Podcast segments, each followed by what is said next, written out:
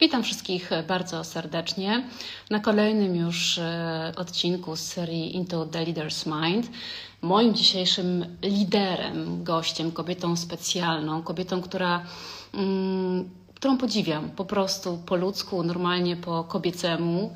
E, mam nadzieję, że teraz pojawi się z nami Ania Puślecka. Ania pracuje od 25 lat w branży modowej, e, była dziennikarką, prowadziła programy, była też redaktor naczelną, stworzyła portal modowy i jest obecnie również dyrektorem KTW, dyrektorem artystycznym KTW e, Fashion Week, jednego z większych wydarzeń modowych w Polsce które niestety w tym roku się nie odbędzie, ale mamy nadzieję, że w przyszłym powróci z zdwojoną siłą. E, Ania od dwóch lat e, ma także innych obszar swoich zainteresowań. W związku ze swoją chorobą stała się aktywistką i naprawdę bardzo skutecznie i bardzo mądrze pomaga kobietom e, w sferze zdrowia, w sferze profilaktyki. Mam nadzieję, że o tym też nam opowie. Zobaczymy, czy Ania już jest z nami.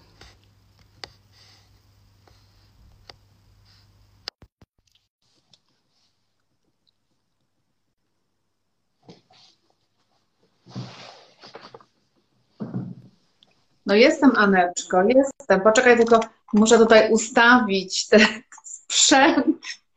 Witam, witam Was serdecznie wszystkich. Poczekajcie, żeby tutaj nie było samego jakiegoś takiego tylko karczku widać. Urodzona estetka po prostu. Tak żaden szczególik nie umknie twoje.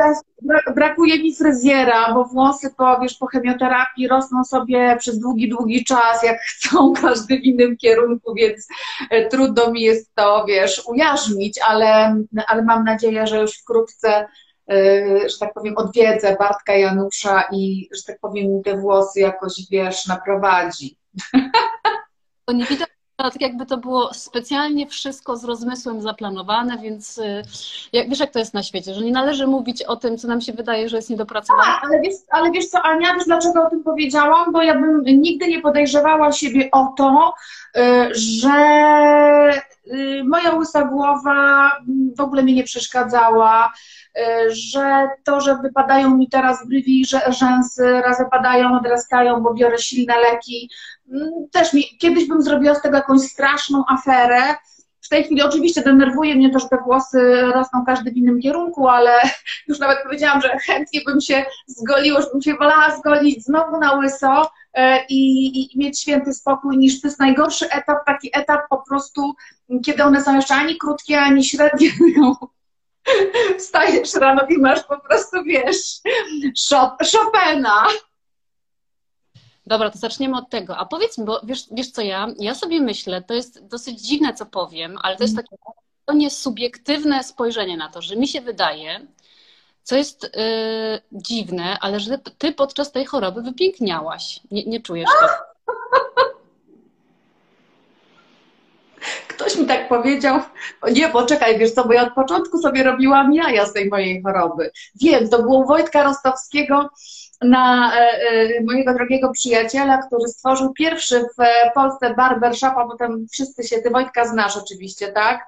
E, I wszyscy się, że tak powiem, posypali, teraz jest mnóstwo, Wojtek wytoczył to, tory, ale otworzył też swoją markę biżuteryjną, ja mu pomagałam organizować press day, i to akurat było no chyba po jakiejś drugiej czy po trzeciej chemii, ja ledwo ciepła. Ale jeszcze wtedy nie miałam takiej odwagi, to, no tak, nie, to musiało, to musiało być na początku, bo chodziłam jeszcze w peruce.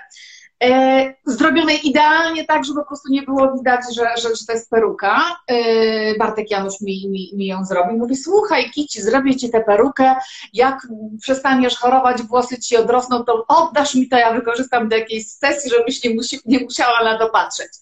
E, I na tym prezydencie wszyscy mówią, to by ten rak służy więc się, więc się nabijaliśmy. Znaczy ludzie wiedzą, że ja mam poczucie humoru e, i że absolutnie to, to nie jest jakiś temat, że właśnie szeptać za plecami. I stąd też ta moja decyzja mm, podjęta przeze mnie, powiedzeniu o tym publicznie, no bo pomyślałam sobie, kurczę, ja chcę chodzić na pokazy mody, no wtedy jeszcze nie było pandemii. Ja chcę spotykać się towarzysko. Ja chcę robić KTW Fashion Week. Jak ja zacznę teraz to ukrywać, właśnie zastanawiać się, czy peruka, którą zrobiłam, jest idealna Poza tym, wiesz, ta peruka, ciągle miałam jakiś taki strach, że wiatr mi ją zwieje i że ja po prostu, wiesz, idąc, przechodząc przez ulicę, nagle mi wiatr powieje, a ona taka, wiesz, na jakieś takie, mm, e, e, takich siateczkach, czymś takim. E, I w pewnym momencie potem przyszło lato, było coraz cieplej i ja stwierdziłam, Boże, po co ja mam w tym chodzić? Będę chodziła w kapeluszach, w okularach i, i zrobię sobie z tego po prostu projekt z mojej choroby, krótko mówiąc. To świetny projekt ci wyszedł, ja ci powiem, naprawdę. No. Sama się nie spodziewałaś, że tak będzie. Ania, no. Bo fajną rzecz powiedziałaś o tym, że gdzieś tam e, nie chciałaś się zupełnie świadomie wyłączyć z życia, że gdzieś tam ta choroba jednak e, wyłącza ludzi z życia albo sami się wycofują z różnych powodów, prawda? Z powodów jakiejś, nie wiem, bezsilności pewnej, tego czasami wyglądu, tak jak mówisz, a ty gdzieś tam uznajesz, że też w tym e, działać. Powiedz, co było najtrudniejsze w tym opowiedzeniu o tym, tak ludziom, wszystkim? Może nic nie. Nie no, Ania, było najtrudniejsze. Przepraszam, muszę tutaj mieć pomagajkę, bo moje leki powodują to, że krople mi lecą z nosa. E, wiesz, co najtrudniejsze było to, że żyjemy w chorym kraju i, i, od tego się zaczęła ta cała afera, którą ja zrobiłam, że ja sobie zaczęłam uświadamiać, bo ktoś, kto nie, nie jest leczony na, na ciężką chorobę, no, chodzimy do prywatnych lekarzy, generalnie jakby nie, wiesz, nie widzimy tego. Ale jeśli zaczynasz chorować na raka i nie możesz się leczyć prywatnie, bo jakby całe leczenie, bodajże chyba leczenie raka piersi kosztuje państwo pół miliona złotych, więc no bardzo nieliczni mogą sobie na to pozwolić, więc siłą rzeczy musisz się leczyć państwowo. Możesz się tylko konsultować e, prywatnie, tak jak, tak jak ja to robię, ale leczyć się musisz państwowo. I patrzysz, rozkminiasz, sprawdzasz, i oczom nie wierzysz, że po prostu, że to się dzieje. I oczom nie wierzysz, że lek, który masz brać i który ci ratuje, ma ratować twoje życie, a wy, czy wydłużyć twoje życie, jak go zwał, tak go zwał, kosztuje 12 tysięcy. Również stać na to bardzo nieliczną grupę.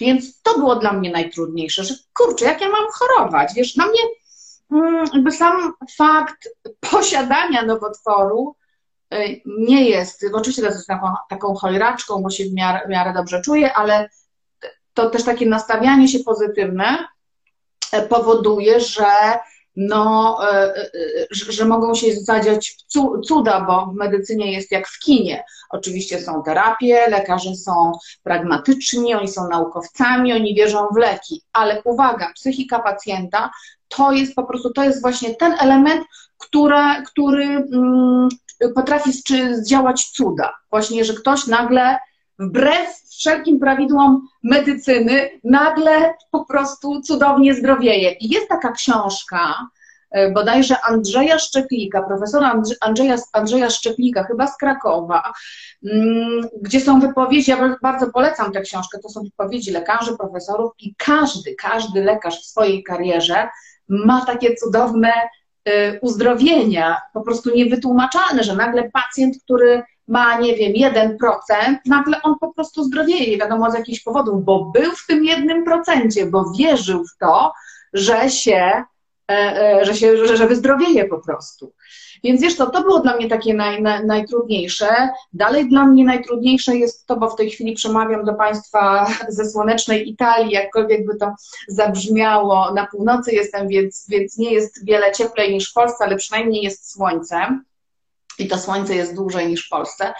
Ale byłam na konsultacji w, u onkologa w Mediolanie, w Centrum Onkologii w Mediolanie które zostało stworzone przez światowej sławy nieżyjącego już onkologa Umberto Veroneziego. I to jest ośrodek światowej sławy. To nie ma nic wspólnego z włoską służbą zdrowia, ale generalnie w ogóle Włosi są e, dobrzy w leczeniu raka piersi. Co mhm. robią we Włoszech? Jeśli kobieta przychodzi do lekarza i mówi, że sobie wyczuła guza w piersi albo nie daj Boże pod pachą, natychmiast, nawet jeśli ten guz jest maluteńki, natychmiast ma robione badanie i ma sprawdzane kości, czy nie ma przerzutów. Bo wtedy to e, leczenie wygląda zupełnie inaczej, bo wtedy e, możesz nie mieć chemii, e, nie mieć operacji, nie mieć radioterapii, bo ten rak się już roz, rozprzestrzenił i po co tego biednego człowieka, tę kobietę męczyć. A w Polsce dziewczyny proszą, błagają, im się mówi, a po co? A po co? Nie ma sensu. Ja kiedyś zadałam e, pytanie mojej doktor prowadzącej, ja przepraszam Panią, to skąd e, pacjent ma wiedzieć, e, że ma przerzuty w kościach albo nie? Wiesz, co ona mi odpowiedziała? No, jak zgłasza dolegliwości bólowe czyli wtedy, kiedy jest musztarda po obiedzie. I ja patrząc na takie um, różnice w podejściu, oczywiście wiadomo, że to jest wina systemu, ale drogi doktorze, powiedz tej pacjentce, idź sobie babo, zrób prywatnie, ale oni tego też nie mogą powiedzieć, bo wtedy taki pacjent mówi, ale zaraz, chwila, przecież, przecież my mamy leczenie państwowe, darmowe, to dlaczego mam to robić prywatnie? Poza tym, wiesz, wkurza mnie to, że ja zaczęłam grzebać w źródłach i rzeczywiście, jeśli y, kobieta ma przerzut pod pachą, NFZ pozwala lekarzowi na wypisanie PET-u albo scintygrafii, a oni mimo tego tego nie robią. Dlaczego? Oszczędności. Więc wiesz, no, jest potwornie dużo y, y, y, y, takich paranoi i ja się temu nie poddaję. Mnie to nawet, powiem Ci, bawi, bo zapytał mnie radiolog w Mediolanie, trzy razy mnie zapytał, dlaczego pani w ciągu pół roku musi zrobić tyle bezsensownych i szkodzących zdrowiu badań? Bo ja w ciągu pół roku muszę zrobić trzy scyntygrafie, czyli dostajesz radioaktywny izotop. Muszę zrobić dwie tomografie, czyli dostajesz kontrast. I muszę zrobić trzy RTG płuc, czyli masz, czyli w ciągu pół roku dostajesz taką dawkę napromieniowania, że z tego możesz kolejnego jakiegoś nowotworu dostać. I oni mnie pytali trzy razy. Ja mówię, słuchajcie, ja muszę to zrobić, bo jeśli tego nie zrobię, a to są zalecenia NFZ-u, to ja wypadnę z programu lekowego, z darmowego leczenia. I oni nawet użyli takiego słowa błąd w sztuce. Piszę do mojej doktor, gdyż ja uwielbiam takie akcje. Piszę do mojej doktor, pani doktor, jestem tu właśnie w Mediolanie. No i tutaj tralala, powiedziano mi coś takiego. I ona mnie zaskoczyła. Powiedziała mi tak, no, mm, y, bo co oni mi zaproponowali? No tam jest takie, y, ja mówiłam na live o tym badaniu, rewolucyjne badanie wymyślone przez y, tutejszego profesora, bardzo młodego, rezonans magnetyczny, ale bez kontrastu, nawet kobiety w ciąży mogą ten rezonans robić e, i wykrywa zmianę nowotworową albo przerzut 3 mm, więc no jest to kluczowe w leczeniu, bo możesz być leczona jakimiś lekami i nie wiedzieć, że masz przerzut, czyli jesteś źle leczona i, że tak powiem, no ludzie często umierają z powodu złego leczenia, a nie samego nowotworu. E, I oni mi powiedzieli, że w Pani przypadku Pani wystarczy, że raz na pół roku zrobi ten diffusion whole body i, i to jest wystarczające. Totalnie zero skutków ubocznych na organizm. Więc ja do mojej doktor napisałam, ona mówi, no tak wiem, znam to badanie, to już nie jest nowość, ale no, rzeczywiście jest bardzo dokładne i jego dokładność i, i brak skutków ubocznych jest niepodważalna.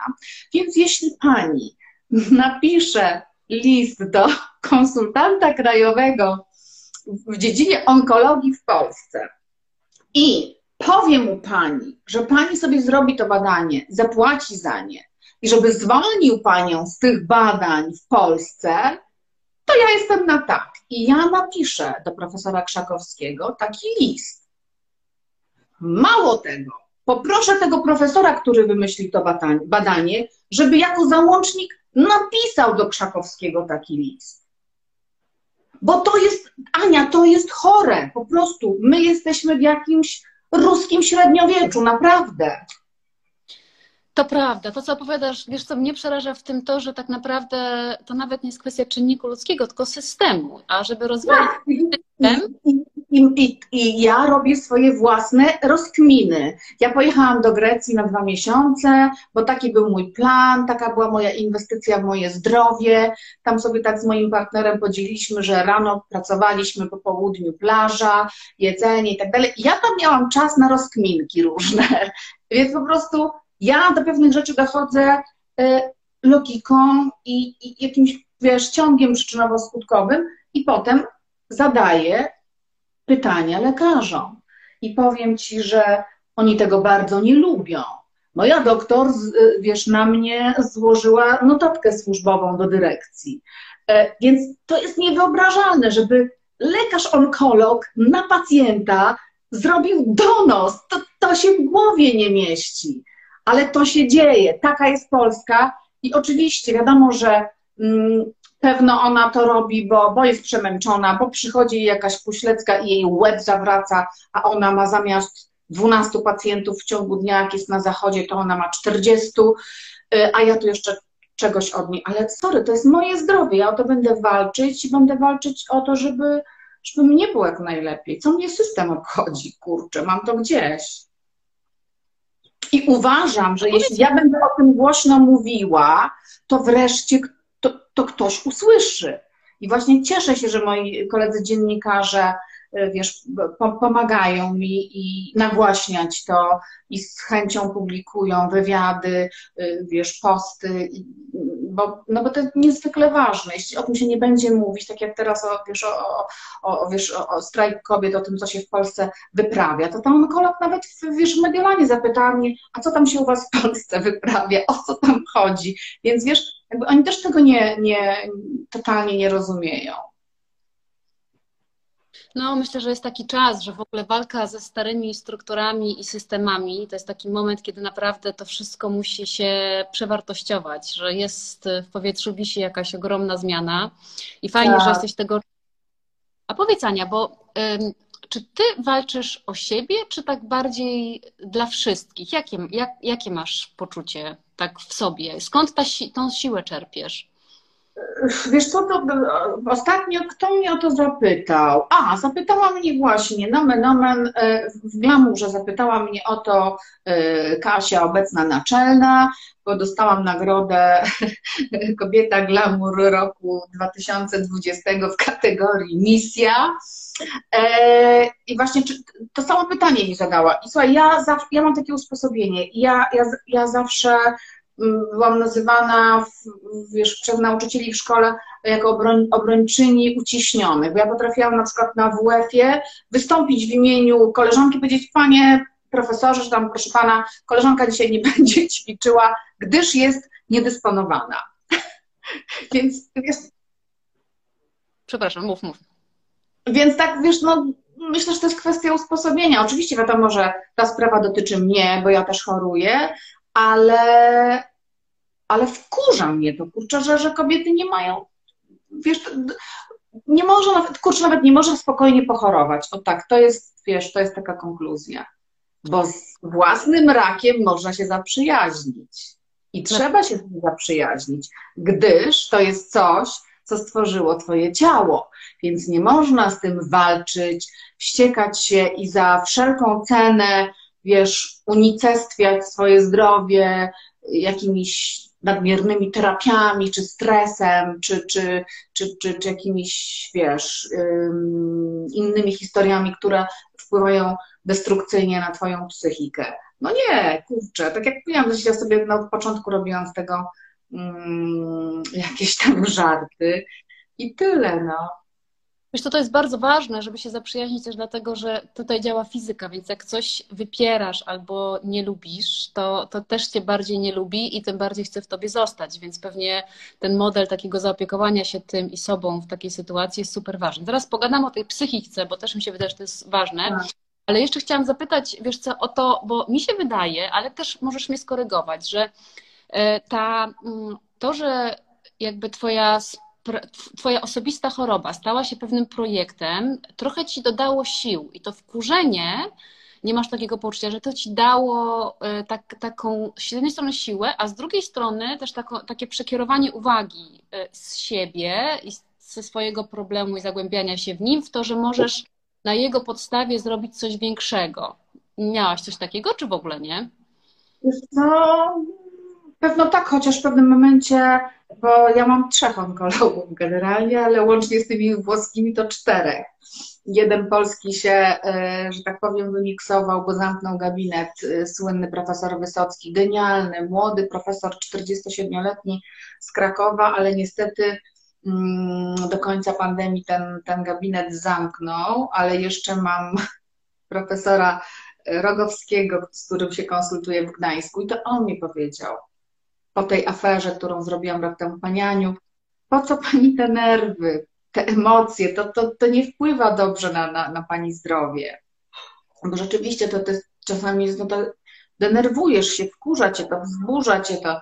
To wiadomo, że to, to, to nie przysparza dobrego środowiska dla Twojego E, nowotworu, czy nie, no dla niego stwarza dobre środowisko, żeby się od, odzywał albo rozwijał, więc ta choroba nie lubi stresu i jakiegoś takiego denerwowania się, ale wiesz, no to jest właśnie projekt, no ja jestem osobą skuteczną, z małej, wiesz, lokalnej imprezy w Katowicach e, poproszono mnie tam o wiesz, o, o konsultacje, o ściągnięcie dziennikarzy i, i potem z każdym rokiem robiłam coraz więcej, więcej i więcej, aż w trzy edycje udało się zrobić niemalże wiesz, wydarzenie mm, międzynarodowe, bo tacy goście tam byli. E, więc wiesz co, no jestem po prostu skuteczna i stwierdziłam, że jeśli powiedziałam A, to trzeba powiedzieć B. Jeśli wystąpiłam z takim listem do e, ministra zdrowia na swoim Instagramie i wszyscy o tym napisali, wszyscy to powiedzieli, więc ja muszę ten wątek ciągnąć. Jeśli cokolwiek widzę, że coś jest na mojej drodze, leczenia, jakaś paranoja, coś, co, co, co się w głowie nie mieści, to ja o tym po prostu mówię. Lubisz, lubisz odnosić sukces? Uwielbiam, kocham to. A kto nie lubi? Każdy chyba lubi. A czym jest dla Ciebie sukces? Bo dla każdego to też jest troszeczkę coś innego. A jak Ty to widzisz?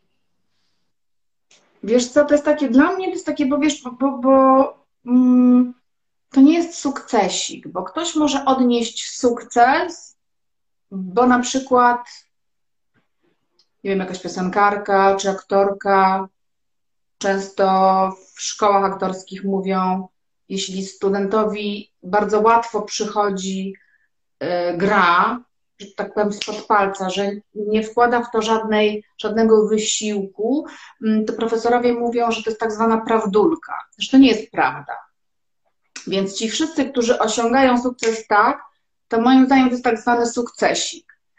A sukces przez duże S to jest wynik i składowa ciężkiej pracy, pewnie talentu też, ale ciężkiej pracy, niesprzespanych nocy, krwi, łez y, i wszystkiego. No to jest takie potwierdzenie, że obrało się właściwą drogę, że że się opłaciło właśnie zarywać te noce i tak dalej, i tak dalej.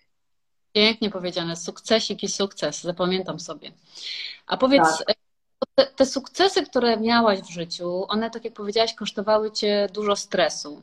I też jeszcze myślałam tak w kontekście twojej choroby, że dużo mówi się o profilaktyce, o tym, żeby dbać o to, żeby sprawdzać, żeby się badać. I ty też jakby e, zrobiłaś taką akcję piękną w październiku e, z innymi wspaniałymi kobietami. A mi się też wydaje, że to powinno pójść może jeszcze szerzej i też pewnie o tym mówisz, że tak naprawdę trzeba się sobą zaopiekować od początku, bo e, pewnie Pewnie zadawałaś sobie pytanie, dlaczego ty gdzieś tam, prawda, w momencie, kiedy dostałaś diagnozę i pewnie gdzieś tam też mogłaś wpaść na to, że może, nie wiem, ten stres i to, że gdzieś tam nie, nie dbaś o siebie do końca jest ważny. I mm, powiedz, myślisz, że jest szansa, żeby Polki zaczęły się wreszcie sobą opiekować, ale tak na co dzień, nie, nie że, wiesz, od wielkiego dzwonu i o sobie wiesz, Tak, jak, jak, jak, dokładnie tak jak, tak jak mówisz, myślałam właśnie w ten sposób, że, że ja sobie na ten nowotwór zapracowałam.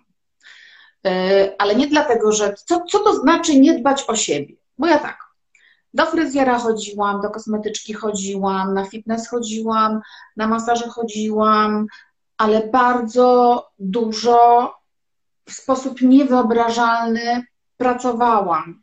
Wiesz, no, praca w mediach, w telewizji, wiesz, montaże w nocy, przejeżdżanie z jednego końca Polski na drugi, mm, do tego jeszcze jakaś dodatkowa własna działalność. Nie było sobót, nie było niedziel.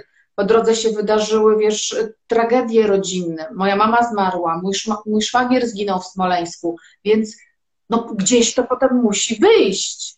To, to, wiesz, nie można tego tak przyjmować, przyjmować, przyjmować, przyjmować i dalej jest fajnie. No, pewnym momencie, w taki czy, czy, czy inny sposób, to wychodzi, albo to są choroby autoimmunologiczne, e, albo to są depresje, no wiesz, akurat ja dostałam raka, no ale wiesz, w życiu bym nie przypuszczała, że, że zachoruję, bo tak jak powiedziałaś, no badałam się, dbałam o to, ale czy mają Polki szansę, żeby o siebie zadbać? No właśnie to powinny być takie, wiesz co.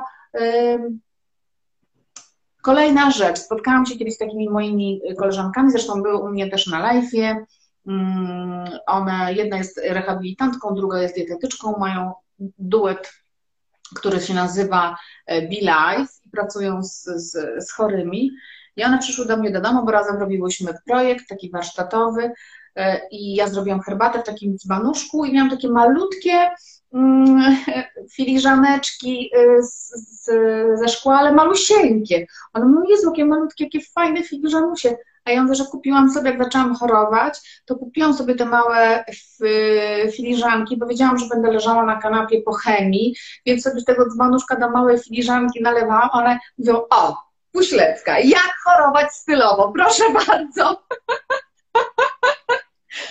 więc no, trochę żart, ale rzeczywiście no, no, w takich małych rzeczach właśnie pójść kupić kwiaty, nie spieszyć się, nie, że lecę z tobołami, tu jakieś kwiaty zabrałam na grzbiecie. Nie, po prostu celebrować to pójście po kwiaty. Iść na bazar, na, na halę mirowską w Warszawie, czy gdziekolwiek ktoś może mieszkać w innym miejscu, też są bazary, kwiaciarnie. Po prostu pójść po kwiaty, albo po prostu wypić kawę w ładnej filiżance, a nie jakimś okropnym kubku, y, y, y, wiesz, z jakiejś promocji otrzymanym. O to chodzi. Czyli zrobić tak naprawdę dla siebie gdzieś tam, żeby to ja pojawiło się w naszej głowie w częściej, prawda? Dla mnie. A powiedz, co byś tak już tak czysto praktycznie, mm, bo to, co powiedziałaś jest super, ale co byś powiedziała so, sobie takiej 20 lat młodszej, żeby co, mniej pracować, odpuszczać, jak redukować ten stres, który jest jakby, wiesz, elementem naszego życia. Nie da się go wyrugować całkiem, prawda? Wiesz, no zawsze jesteśmy mądrzejsi o te lata, które przeżyjemy, ale wiesz, kiedy jesteś 20 lat młodsza, wiesz, pracujesz w telewizji, y, prowadzisz programy, jesteś na wizji i to jest taki strach, że boisz się nawet na wakacje wyjechać, albo szybko z tych wakacji wracać, bo już będzie jakiś projekt, a już zadzwonią, że jest jakiś program, a ciebie nie ma, ty właśnie leżysz na plaży. Wiesz co, no to trudno jest młodej osobie powiedzieć, żeby sobie odpuściła. To teraz ludzie są bardziej świadomi. Wiesz, no nas się też tak wychowuje, że nie stawiać, że stój w kącie, to cię, to cię zobaczą, albo właśnie nie bądź egoistką. A dlaczego nie? Kurczę, no wiesz, bądź egoistką, ale też dbaj o innych, a nie, że tylko dbaj o innych, a ty gdzie jesteś? Na szarym końcu? No to tak to nie działa. Czyli myślisz, no właśnie, gdzieś tam też mi się tak wydaje, wiesz, że jest coś takiego, że ten, ten pierwsza część naszego życia jednak jest, e, e, no, jesteśmy zmuszeni do tego, żeby gdzieś tam ciągle czuwać i walczyć o swoje i zdobywać tą swoją pozycję, albo jakoś tam się budować w kontekście jakby zawodowym i to zawsze jest określone jakimś tam stresem.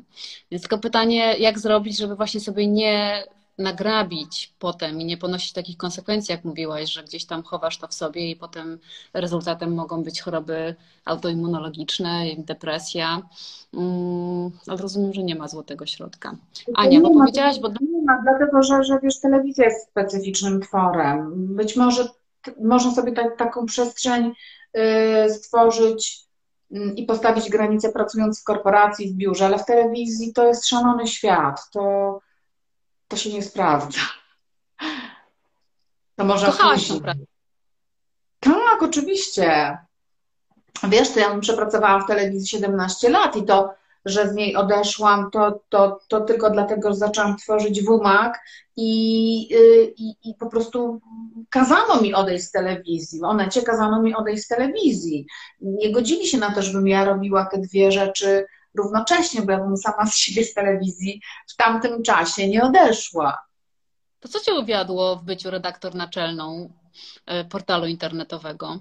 To znowu tworzenie, znowu, znowu to, że, że, że, trzeba było to zrobić od zera, y, to, że trzeba było, wiesz, pomyśleć, jak to, jak to ma wyglądać, jaki ma być content, mówiąc językiem teraz internetowym, jacy twórcy mają tam pisać, o czym w ogóle pisać, ale uważam, że, że, że WMAT na tamte czasy, mm, nie, tamte czasy nie były gotowe na WMAT bo to trochę miało być, e, wiesz, WOK kiedy wszedł? Dwa lata temu, a wtedy właśnie tak, tak, takie były rozmowy, że to ma być luksusowy magazyn na miarę magazynu WOK.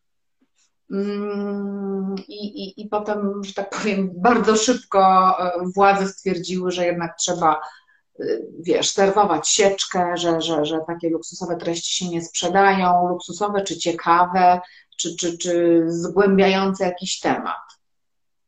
Wiesz, ja myślę, że to jest też specyfika internetu jednak i wydaje mi się, że te luksusowe treści nadal y, jakby no, nie sprzedają się w internecie mm, i może kiedyś to się zmieni, będą na przykład treściami płatnymi, wtedy rzeczywiście może powstanie coś takiego na miarę wymaga, tak jak mówisz, albo na, na, na miarę idei wymaga, którą miałeś w głowie. Czyli ta przygoda była krótka, ale czego cię nauczyła o tobie? W tamtym momencie? Miałaś tak, że rzeczywiście się czegoś dowiedziałaś o sobie?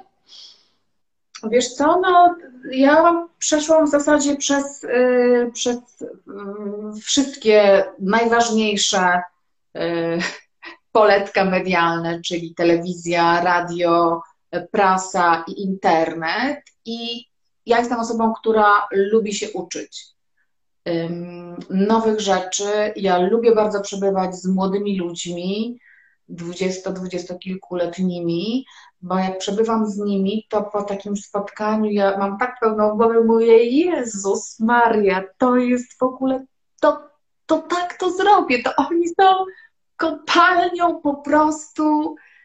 I oni to tak, wiesz, bo dla, no wiadomo, wiesz, dzieli, e, e, wiesz, pokolenie, dzieli mnie pokolenie z tymi ludźmi, ale wiesz, oni mi dają do zrozumienia, że mnie szanują, czy są zafascynowani mną w pewnym, w sensie. I, i, I stwierdzenia, które, które kierują, czy, czy rzeczy, na które zwracają uwagę, ja sobie myślę, Boże, bym na to w życiu nie zwróciła uwagi, że, że ja bym mogła to zrobić i to im się będzie podobać. Więc ja kocham takie spotkania, wiesz?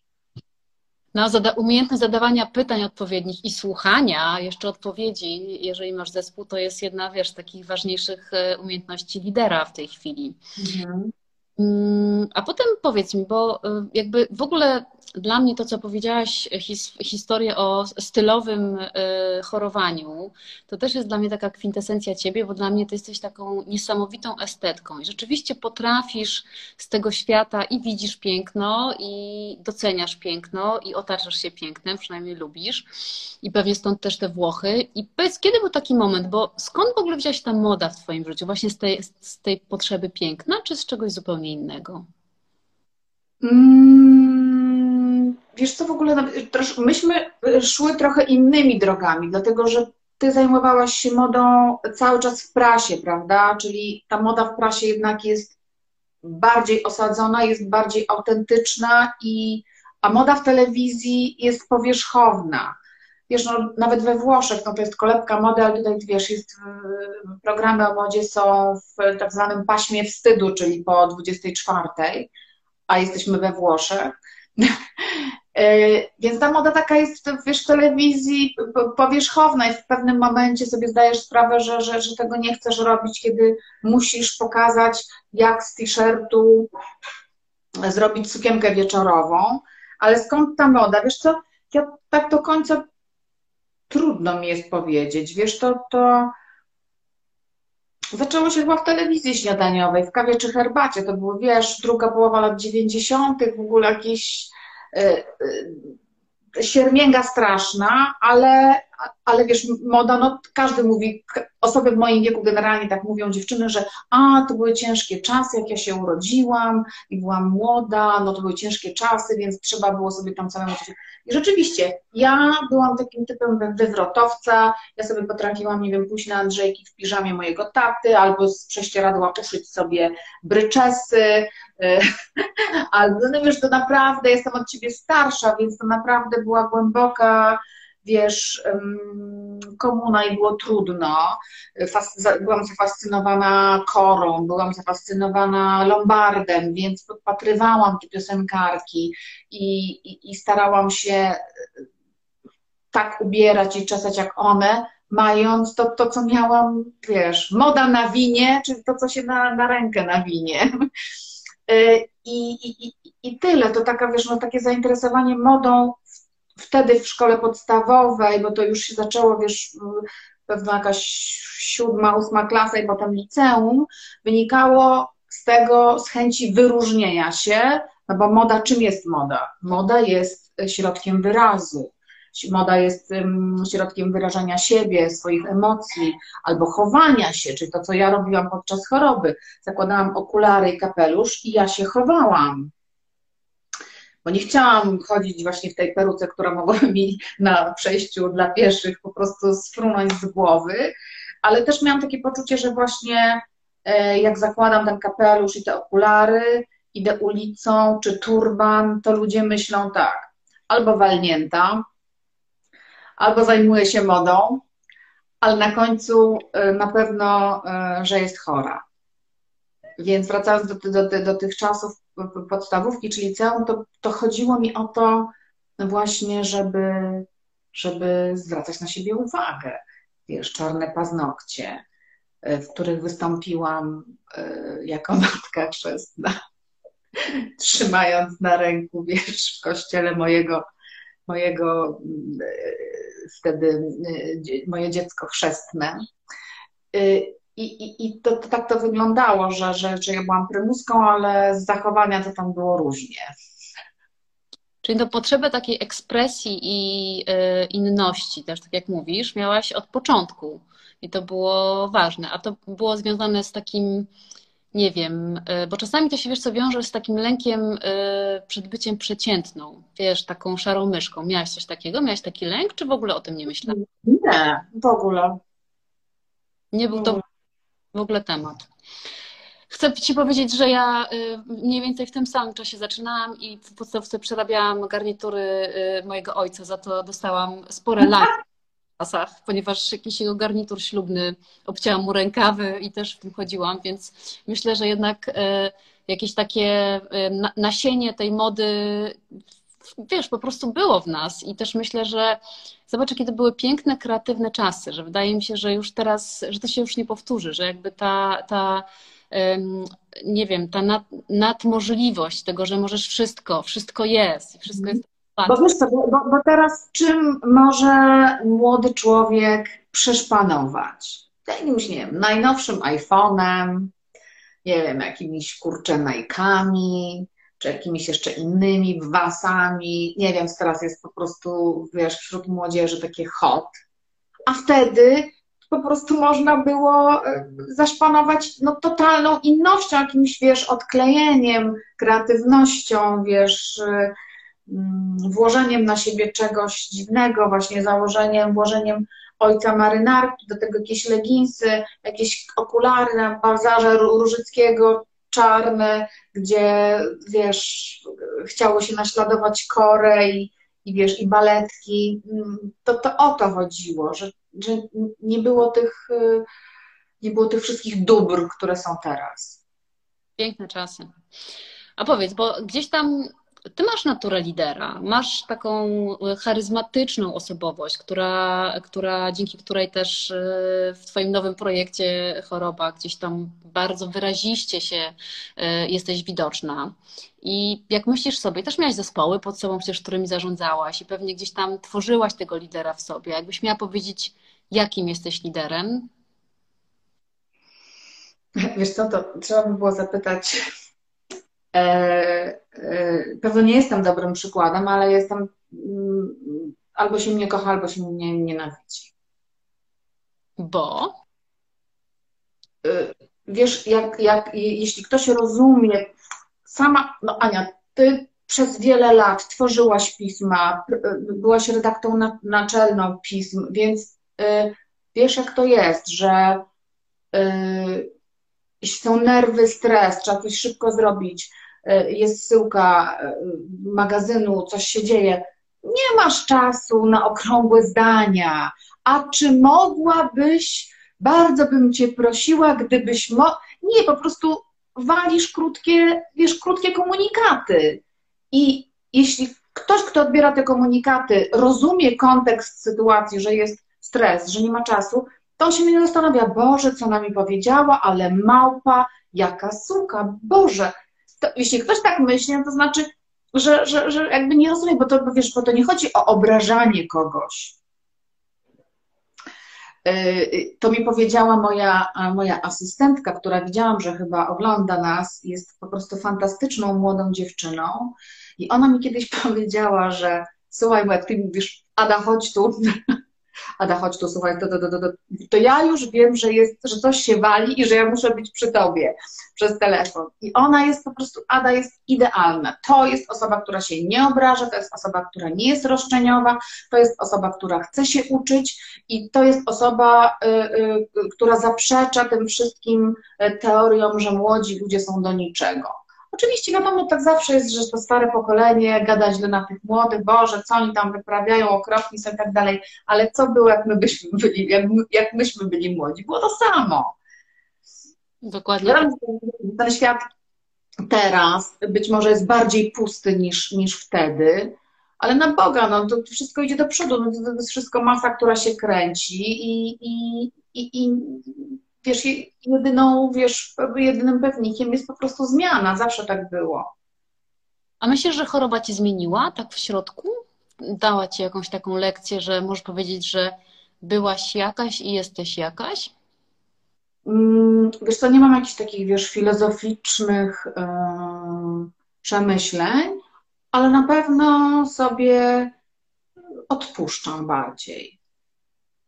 Brawo, ty tak, oczywiście czasami myślę, Boże, przecież Jezu, co to będzie za 10 lat, Matko Święta, będę na, na jakiejś emeryturze czy na czymś, będę zdychać, bo tutaj w ogóle... Ale wiesz co, po pierwsze nie wiadomo, wiesz, wiesz co, to tak jak kiedyś powiedziałam do mojego partnera, mówię, Boże, to było od razu jeszcze, tuż po, po, po tym, jak, jak, jak wiesz, wyszłam z chemioterapii, ja mówię, Jezu, tak się strasznie boję, kurczę, że tu zaraz umrę. A on mówi, byśmy w knajpie, on mówi, tak, słuchaj, no ale każdy z tych ludzi, którzy siedzi wokół nas, może zaraz umrzeć, może się jutro dowiedzieć, że ma raka, może jutro zginąć w wypadku samochodowym, więc takie myślenie ci pozwala, że ty, ty, nie jesteś jedną, jedyną, wiesz, ten rak, on jest taki, on jest taki, wiesz co, ten rak jest przereklamowany. On po prostu, wiesz, wszyscy się potwornie boją tej choroby.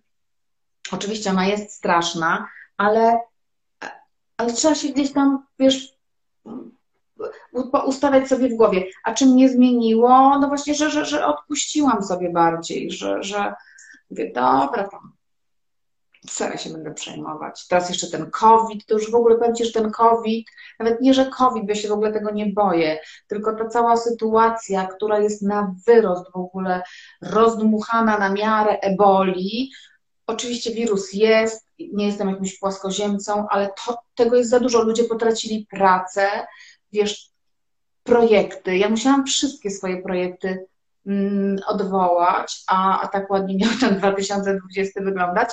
Y, to, to jest sobie taka złość, że mówisz, Boże, po prostu nie dość, że choroba, to jeszcze po prostu to musiało się przyplątać, jakieś nie wiadomo co. Ale może to był prezent dla ciebie, żebyś sobie odpoczął. Ale nie byłabym sobą, bo ja nie potrafię siedzieć z założonymi rękami. I y, stwierdziłam, że wyjadę do Włoch, w zasadzie uciekłam, bo tak nasz rząd, tak było to, słuchaj, taka była narracja. Ja mówię, matko, jeśli ja nie wyjadę, to zaraz mi zamkną granice i po prostu ja będę rozdzielona z rodziną. Więc walizkę spakowałam w jakimś, jakimś popłochu, więc ja tutaj mam jakieś bez sensu rzeczy pobrane, chodzę ciągle w tym samym, yy, ale na szczęście nie ma tu żadnych eventów i, i wyjść. Yy, I yy, poczekaj, bo zgubiłam wątek. Ania. A, stwierdziłam, wyjadę do tych Włoch, bo to będzie dla mnie wyjście ze strefy komfortu. Jak będę sobie w tej mojej warszawce ciepłej siedziała, mimo to, że odwołałam jeden projekt, drugi, trzeci, musiałam KTW i to odwołanie KTW przelało taką czarę, że ja sobie uświadomiłam, w jakiej my, przepraszam, wszyscy dupie jesteśmy. Ale wszyscy, to jest, wiesz, na szczęście wszyscy, nie tam, że tylko ja albo ktoś, wszyscy. Oczywiście wiadomo, że ci, którzy mają, wiesz, więcej pieniędzy, to się tym mniej martwią, ci, którzy nie mają, to się bardziej martwią, ale generalnie dla wszystkich jest podobna sytuacja. Stwierdziłam, że jak tu przyjadę, to, to, to, to wyjdę ze strefy komfortu i słyszałam, yy, i udało mi się, słyszałam, jak mnie zapowiedziałaś, że była dziennikarka. Otóż nie! Ja, moja droga, zaczęłam, wróciłam do swojego starego zawodu, zaczęłam pisać do prasy. I wkrótce już mam trzy wywiady napisane i wkrótce będę się mogła pochwalić, gdzie, co i jak. Więc. Czyli twój gen po prostu pracowy, niezależnie od sytuacji, jest super aktywny i będziesz kobietą pracującą do końca życia. Co ci daje ta praca? Jakiś sens? E, wiesz co, ja zostałam wychowana w ogóle wiesz, w etosie pracy, że, że wiesz, praca to nie jest takie umartwienie się, że musisz pójść na dziewiątą do siedemnastej i Boże, jak ja tej pracy nie lubię, że muszę rano wstać, że muszę, ale do praca, już bym chciała być, nie wiem, na wakacjach, na emeryturze, na czymś. Oczywiście są momenty, kiedy jestem zmęczona, ale praca, wczoraj właśnie Strasznie był ten wywiad długi, bo mój rozmówca mówi kwieciście, w związku z czym y, pomaga mi znowu moja niezawodna Ada y, y, spisywać to, bo to jest najgorsze, to najgorsza część pracy. I cały ten wywiad miał 37 tysięcy znaków, a ja musiałam go skrócić do 8. Finalnie skróciłam do do 10 tysięcy i pewna redakcja będzie po prostu wyrzucała te wątki, które są dla nich mniej, najmniej interesujące. Ale e, wiesz, sama, sama jestem, wiesz, stara szkoła dziennikarska i wielokrotnie dziennikarze, którzy ze mną przeprowadzali wywiady, wysyłali mi do autoryzacji spisane z dyktafonu. A czy jakby nie, wiesz, nie rozumieją i nie wiedzą, ja nie wiem, kto to im poprawia, czy to, czy, no nie ma przecież teraz korektorów w redakcjach internetowych, to często też leci w takim, takiej formie niestety. Y, nie chcę tutaj, y, wiesz, nas w portali podawać, ale łapie się człowiek za głowę, a ja niestety jestem ze, albo stety ze starej szkoły. Wiesz, Ada mi to spisała ciurkiem po prostu, tak jak leciało. Ja sobie wczoraj usiadłam o 20 pierwszej i o pierwszej w nocy e, skończyłam. Mój rozmówca zachwycony, redaktor naczelna zachwycona. Gdzie będzie wywiad? Słucham? Gdzie będziemy czytać i z kim? To na razie, na razie nie mogę powiedzieć. Na razie w, umówiona jestem z, w zasadzie z trzema tytułami yy, i z czwartym się dogaduję. Więc yy, wiesz, no wiadomo, że przez te 25 lat pracy, y, no tak jak ty, idziesz po, wiesz, idziesz po szczeblach, chcesz coraz więcej, więcej, no bo też masz coraz więcej doświadczenia, więc robisz y, coraz to poważniejsze rzeczy i stawiasz sobie na swojej drodze wyzwania, no ale to wszystko runęło, no to co ja, ja do kogo mam mieć pretensje? Wiesz, i czy ja mam to traktować jako cofnięcie się w rozwoju? Nie, po prostu Anna Puślecka, kurde, wraca, wiesz, a ja jestem bardzo dobra w robieniu wywiadów. Ja nie lubię, na przykład y, to Michałowi Zaczyńskiemu powiedziałam, on jest świetny w tych takich analizach w ogóle. Ja mówię, Boże, Michał, kurczę, no jest naprawdę on jest rewelacyjny. Ma też gigantyczną wiedzę, jeśli chodzi o modę. Ja takiej wiedzy nie mam i potrafię się do tego przyznać, ale ja jestem bardzo dobra mm, w robieniu, w robieniu wywiadów. I, i, i na razie mam zakontraktowane wywiady. Grunt to yy, wiesz, całe życie tak naprawdę idziemy taką drogą, żeby uświadomić sobie, w czym jesteśmy dobrzy i co umiemy robić najlepiej. I cieszę się, Mhm. stało, ale nie odpowiedziałaś na moje pytanie, czym jest dla ciebie praca, bo ona cię jakoś konstytuuje. To jest ważne, prawda? W ogóle. No, no, praca jest dla mnie takim no, czymś bardzo ważnym w moim życiu. Do niedawna to jeszcze była najważniejsza rzecz. Oczywiście to, to nie jest tak, że nie wiem, partner czy rodzina byli mniej, tylko to, to było bardzo, bardzo, bardzo, bardzo ważne. Yy, No to jest spełnianie, wiesz, no my, my wykonujemy specyficzną pracę, wiesz, no nie chodzimy, wiesz, do, na obróbkę z krawaniem, mm, czy wiesz, chociaż ja uważam, że tak, żadna, przede wszystkim żadna praca nie hańbi i nawet tutaj we Włoszech jest taki problem, bo 90% Polek, które tutaj, czy Polak, Pol- Polek, które tutaj mieszkają, to są dziewczyny, które albo sprzątają, albo są badantkami, czyli opiekują się mm, starszymi ludźmi. Rozmawiałam z taką Polką, która, która mieszka w Rzymie, jest prawniczką y, i ona pomaga tym, tym Polkom, y, nie wiem, aklimatyzować się, załatwia im darmowe badania właśnie piersi czy, czy, czy cytologię, y, darmowe lekcje języka włoskiego i kursy. Mm, Próbuje je gdzieś tam, żeby się wtapiały w ten. I ciężko to wychodzi, powiem ci y, szczerze, że to tak, ona mówiła, że to jest, to jest właśnie bardzo, bardzo, bardzo trudny temat, że one nie, nie chcą tego, się wstydzą się też tego, co robią, bo często to są dziewczyny, które w Polsce miały albo mm, lepsze zawody, albo są po studiach i one się tego wstydzą. Ale wiesz, w każdej pracy można, można znaleźć yy, no, tak, taki, wiesz, piece of art, że nie wiem, pielęgniarka, lekarz, nauczyciel, no, czy to się nazywa powołanie? Pewno tak. No, ten nasz zawód jest jakby z założenia, on jest kreatywny. My przez to, że wiesz, to co zawsze mi się podobało w, wiesz, w, pracy, w telewizji, w byciu dziennikarką, że masz dostęp do najważniejszych ludzi w państwie.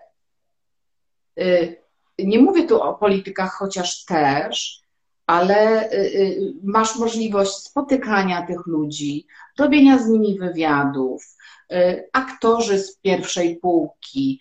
Wiesz, i to są, są takie sytuacje, które cię budują, bo ty się od tych ludzi uczysz, ty chłoniesz ich energię, ich spojrzenie na świat, światopogląd, z którym często możesz się nie zgadzać, ale wiesz, bo zwykle to są e, osoby o wysokiej kulturze osobistej, w związku z tym różnice nawet światopoglądowe czy spojrzenie na pewne sprawy po prostu, po prostu możesz sobie w fajny sposób przedyskutować.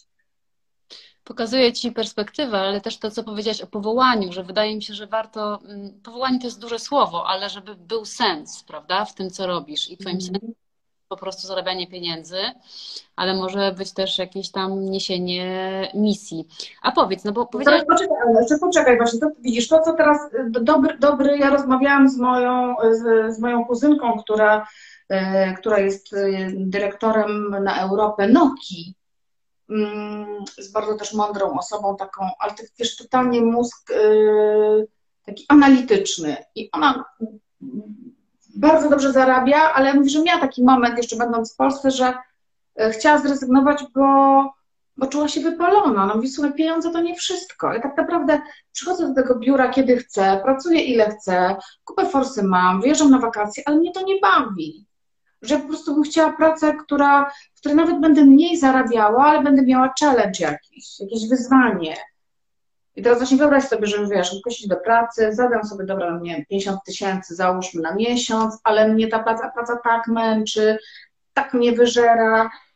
I co mi po tym, jak ja codziennie rano wstaję i mam po prostu, wiesz, nie widzę cię w takiej pracy. Nie ma takiej opcji. Myślę, pracę, którą kocha, która ją nakręca, napędza, która daje jej satysfakcję i daje dużo, wiesz, różnych fajnych rzeczy. A powiedz, bo fajnie mówiłaś y, o tej chorobie, o raku, że nie ma się czego bać. Rozumiem, że się nie boisz. A czego się boisz? Boję się niestety tego podejścia lekarzy, tego takiego ich, no właśnie, złego traktowania ludzi, niestety. Tego systemu, bo może nie chcę tutaj ktoś, ktoś może się mm, obrazić, że, że, że ja jadę po lekarzach, ale to, to pewno system bardziej. Ja się bardziej tego boję, że właśnie w tym Mediolanie wchodzisz do tego centrum onkologii, tam jest wszystko tak zorganizowane, jak w szwajcarskim zegarku, ale oni są mili. I już na dzień dobry przy wejściu jest buongiorno, idźcie za rączkę, biorą jacyś wolontariusze, a dokąd pani? Tu, ja na wizytę, dobrze, to najpierw do automatu, proszę zeskanować, tu, tu, tu, a teraz proszę przejść do recepcji. Wszystko jest naprawdę mega, mega miłe. Nawet jeśli jest ten reżim sanitarny, musisz te ręce, wiesz, dezynfekować, mieć maseczkę, to musi być określona maseczka, mierzą ci tę temperaturę, to nie masz takiego poczucia. W Polsce jakimś takim strachem to jest wszystko, wiesz. Mm. Weszłam do szpitala mojego w Polsce, już temperatura, już jakieś dwie baby mi stoją, słuchaj, za plecami. Ja mówię, co pani tak stoi za mną? Ja mówię, przecież to a one stoją, bo w razie jakbyś ty miała temperaturę, to one już cię łapią i nie wiadomo dokąd cię, wiesz, zabierają. Więc jaka, jakiś jest taki, taka aura takiego, wiesz co, takiego terroru. A, a, a te pobyty w tym Mediolanie pokazały, że człowiek może spokojnie chorować. I, i właśnie ten, ten spokój, to o czym y, mówił zawsze ten wspomniany y, przeze mnie na początku Umberto Veronesi, nieżyjący już, że ta relacja pacjent-lekarz jest niezwykle ważna, bo ona wpływa na sukces zdrowienia, na cały proces zdrowienia. No wiesz, jeśli idziesz do lekarza, w Polsce miałam taką, taki przypadek właśnie do pana profesora Rogowskiego z Gdańska. Wchodzę, on do mnie mówi, Pani jak Pani super wygląda w ogóle nie widać, żeby pani miała raka. Słuchaj, to jest tak niepopularne i lekarze nie zdają sobie sprawy z tego, jak my pacjenci tego potrzebujemy. Jak my pacjenci tego potrzebujemy, powiedzenia, fajnie pani wygląda, troszkę pani już nie jest taka pani chuda po tej chemii, włosy pani odrosły, super, nie wiem, ma pani ładny uśmiech, cokolwiek, jedno zdanie wystarczy po jakieś szkolenia trzeba tym lekarzom porobić, naprawdę. To jest szkolenie, żeby widzieć w pacjencie człowieka, bo wydaje mi się, że tego nie ma, a to jest super ważne i życzymy sobie w Polsce, żeby móc chorować z godnością, bo wydaje mi się, że to też jest bardzo trudne przez system. Ostatnie pytanie, bo za chwilę nas rozłączą. A czego jeszcze sobie życzysz, Aniu? Wiesz co, ja sobie życzę przede wszystkim świętego spokoju, żeby, żeby ta paranoja covidowa się skończyła, bo wiesz co, ja nie, ja nie lubię takiego zawieszenia, ja nie lubię braku perspektyw, a w tej chwili nasza perspektywa, moja perspektywa, to jest perspektywa kilku dni. Bo nie wiadomo, wiesz, tutaj we włoskiej telewizji jest dokładnie, gadają to samo, oczywiście z uśmiechem, z innym, wiesz, z inną, troszeczkę bardziej taką przyjazną narracją, ale u nas spadły i tutaj też spadły. U nas chcą zamykać, tu też chcą zamykać. Więc i nie wiadomo, co odwalą, e, wiesz, co się wydarzy i, i ja nie chcę tak żyć taką, ja lubię planować, nie chcę żyć z taką perspektywą trzech dni, no bo to, to, to rujnuje człowieka, no siedzieć i tak, Boże, no zrobię to, co mam zrobić, potem takimi trójkami, no Wiesz, to ja takimi, takimi sobie żyłam, jak chorowałam i, i, i musiałam żyć takimi mm, etapami, wiesz, tygodniowymi, ale teraz i, i chciałabym naprawdę no, świętego spokoju, tego, żebyśmy mogli, yy, wiesz, nie żadny nowy porządek świata, bo mnie to w ogóle nie interesuje, tylko, wiesz, oczywiście to nie od nas zależy, jak ktoś będzie chciał ten porządek świata zmienić, to sobie go zmieni, ale ja uważam, że każdy z nas powinien i musi tworzyć sobie swój świat, bo pamiętam w maju, kiedy wystąpił pan wiceminister zdrowia mówiąc Muszę ci przerwać, bo za tym roku zapomnijcie o wakacjach za granicą. A ja co? 1 lipca już miałam maseczkę do samolotu i nie było mnie dwa miesiące. Czyli stwarzajmy sobie ten swój świat. Aniu, bardzo Ci dziękuję. To jest boskie przesłanie. Stwarzajmy sobie swój świat. Ja Ci jeszcze Twojego pięknego świata, mniej lub bardziej zaplanowanego, ale taki, który da Ci po prostu dużo szczęścia i będzie Twoim cudownym dobrostanem. Bardzo Ci dziękuję za wspaniałą rozmowę. Ja Tobie dziękuję za zaproszenie i całuję Was wszystkich. Trzymaj się. Ty też, całusy. Pa!